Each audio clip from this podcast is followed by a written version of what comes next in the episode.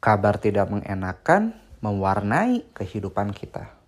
Gimana sih caranya kita bisa saling support di antara dalam keluarga sama pasangan, sama anak-anak? What should we do?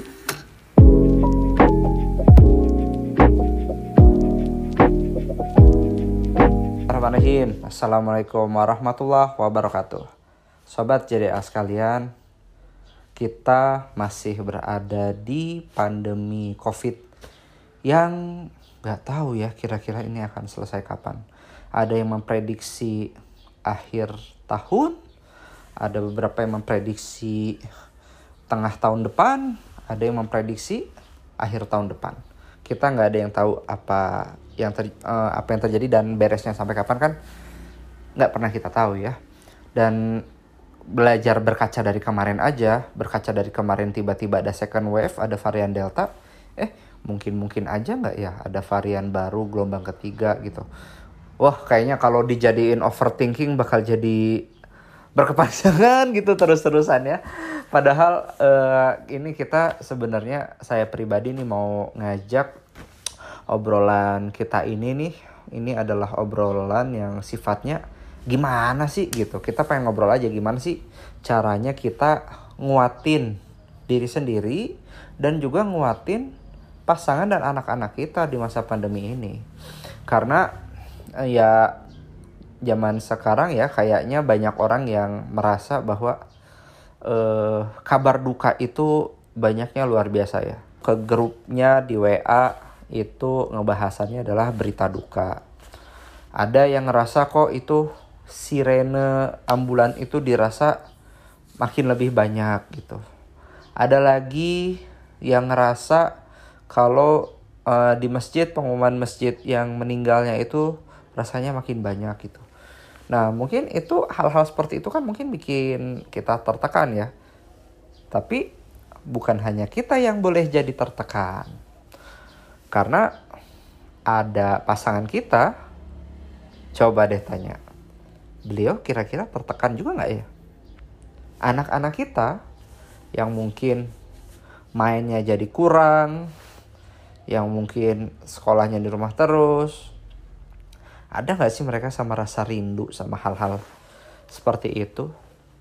Boleh jadi ada hal yang sama. So, gimana caranya menguatkan ini gitu, menguatkan kondisi sekarang?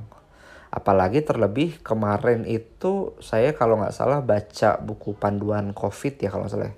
Buku panduan COVID yang dikeluarkan sama Kemenkes kalau nggak salah ditulisnya sama Pak uh, mohon maaf saya lupa namanya Pak Doni ya Pak Doni Mortado ya kalau nggak salah ya. Mohon koreksi kalau saya salah.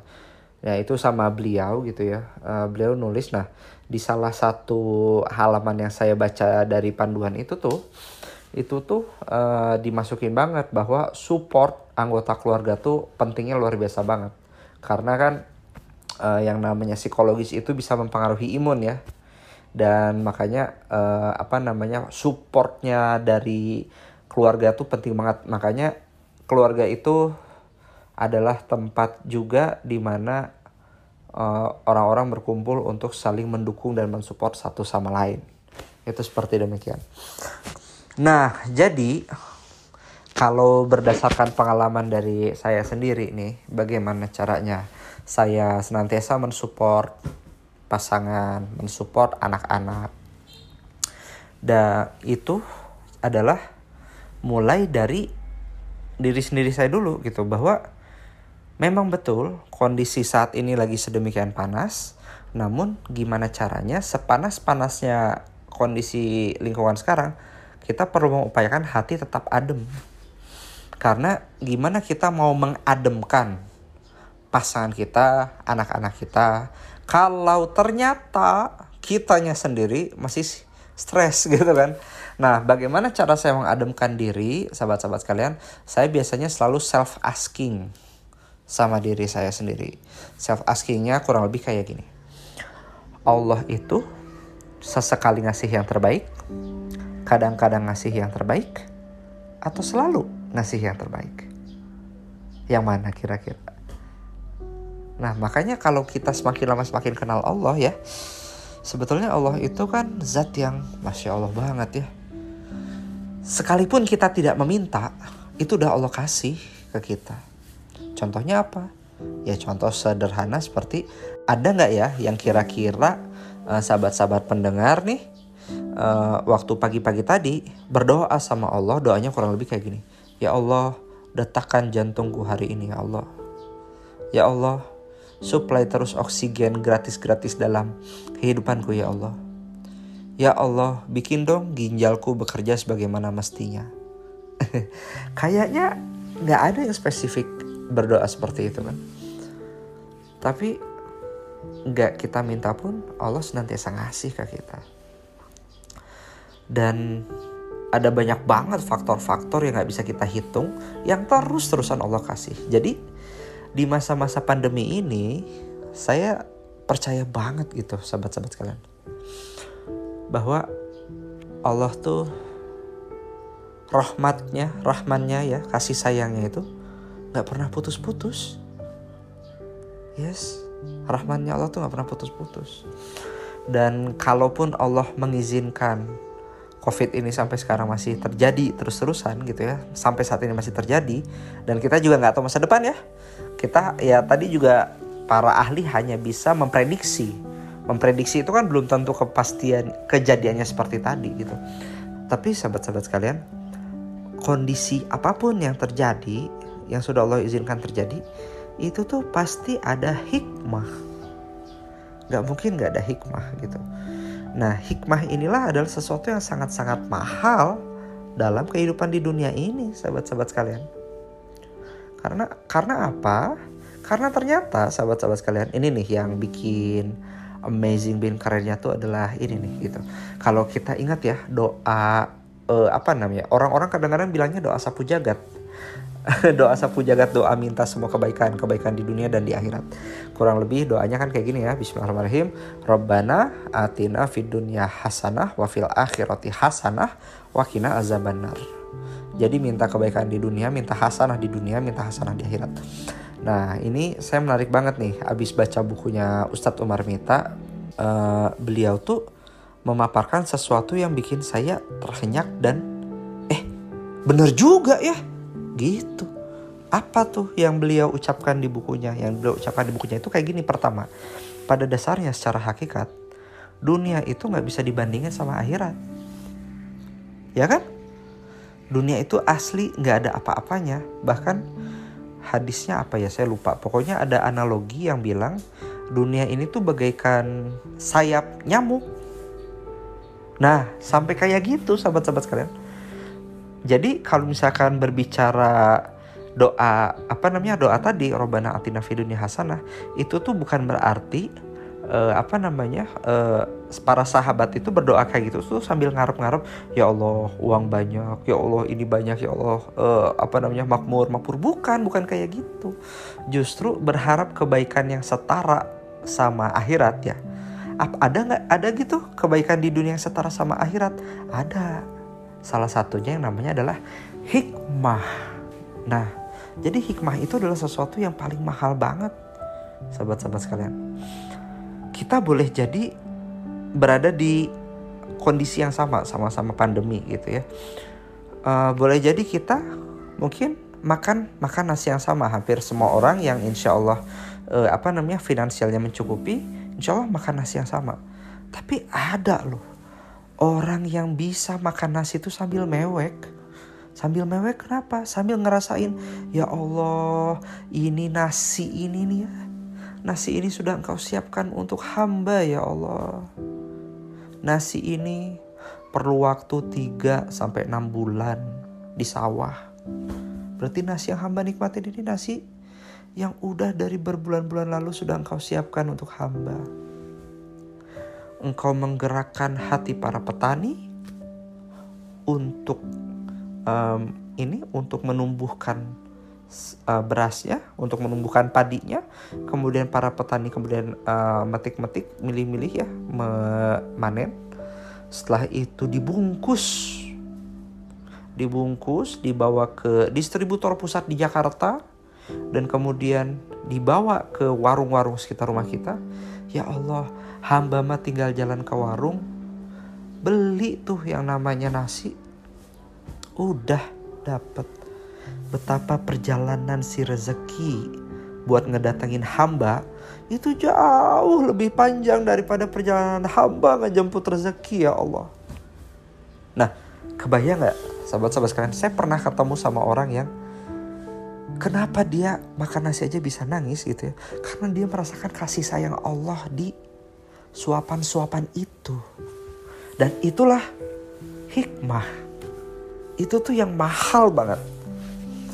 Yang mahal banget. Karena kebanyakan kita kan, ya kebanyakan manusia ada juga yang makan nasi tapi mungkin sambil keluar kata-katanya kebun binatang. Wah, itu ngeri banget. Nah, maka yang membedakannya ini apa? Yang membedakannya ini adalah hikmah. Maka ketika kita berdoa hal seperti tadi Robbana atina fid dunya hasanah fid dunya hasanah kebaikan di dunia. Kebaikan di dunia ini bentuknya bukanlah dalam bentuk-bentuk yang sifatnya materi-materi. Tapi yang paling utama yang paling mahal itu adalah hikmah. Maka kalau misalnya mau kita tarik ke kondisi pandemi sekarang sahabat-sahabat sekalian gimana sih cara nenangin hati mental orang-orang yang ada di rumah kita pasti pastinya kita itu perlu mulai dari pertanyaan tadi dulu. Allah itu sesekali ngasih yang terbaik, kadang-kadang ngasih yang terbaik, atau selalu ngasih yang terbaik.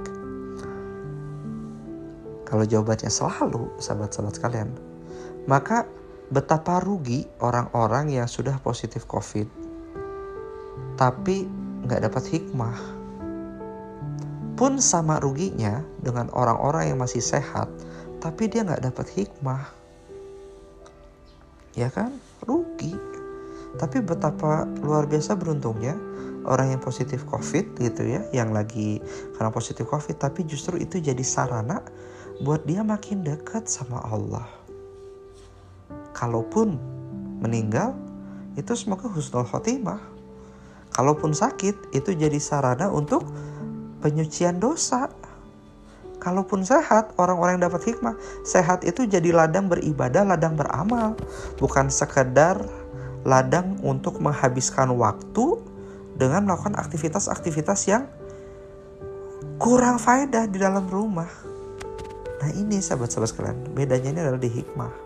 Maka kalau kita mau support orang-orang kita di dalam rumah kita itu dengan support yang baik, ini berarti kita tuh perlu ngajak pasangan kita, anak-anak kita untuk senantiasa mencari hikmah-hikmah apa yang berserakan dari kejadian-kejadian ini sahabat-sahabat sekalian.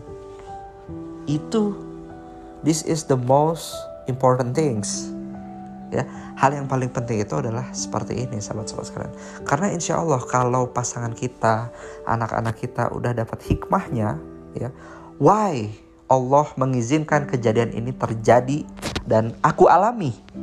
Wah, insya Allah sahabat-sahabat sekalian, kondisi ketenangan psikologis itu, support psikologis itu bakal jadi mantep banget. Karena diri kita, pasangan kita, anak-anak kita udah jadi benar-benar paham banget, udah jadi benar-benar ngerti banget. Ketika sehat, ini menjadi ladang ibadah. Ketika sakit, ini menjadi ladang penyucian dosa dan kalaupun ketika meninggal, semoga itu tanda bahwa Allah sedemikian kangen sama kita. Siapa sih? Kalau mirip kan kayak misalkan dulu akad nikah tuh. Waktu mau resepsi, Nah, kalau mau persiapan resepsi, kita kan mempersiapkan yang terbaik kan. Kita dandan yang terbaik. Ya toh, kita nyiapin mahar, nyiapin macam-macam. Wah, pokoknya kita nyiapin the best untuk bertemu sama kekasih pujaan hati gitu. Ceritanya kan kayak gitu ya. Nah, apalagi sekarang. Orang-orang yang hikmahnya tebel, orang-orang yang betul-betul kangen sama Allah. Jangan-jangan ketika sedang dipanggil, itu rasa kebahagiaannya lebih dibandingkan yang kita duga. Jangan-jangan mungkin gitu sahabat-sahabat sekalian jikalau ada rekan-rekan kita, sanak saudara kita yang uh, mungkin sudah berpulang duluan, salah satunya diakibatkan karena COVID ini, mungkin kita melihatnya sedih bagi kita yang ditinggal. Tapi boleh jadi mereka karena amalannya sudah sedemikian bahagia berada di dalam pelukan Allah Subhanahu wa taala. So, sahabat-sahabat sekalian, yuk kita support pasangan kita, anak-anak kita dengan iman dan kita terus ngobrol sama mereka, kita bantu, kita cari apa hikmah yang ada di balik kejadian ini. Karena Allah, apakah Allah itu sesekali ngasih yang terbaik? Kadang-kadang ngasih yang terbaik? Atau selalu ngasih yang terbaik?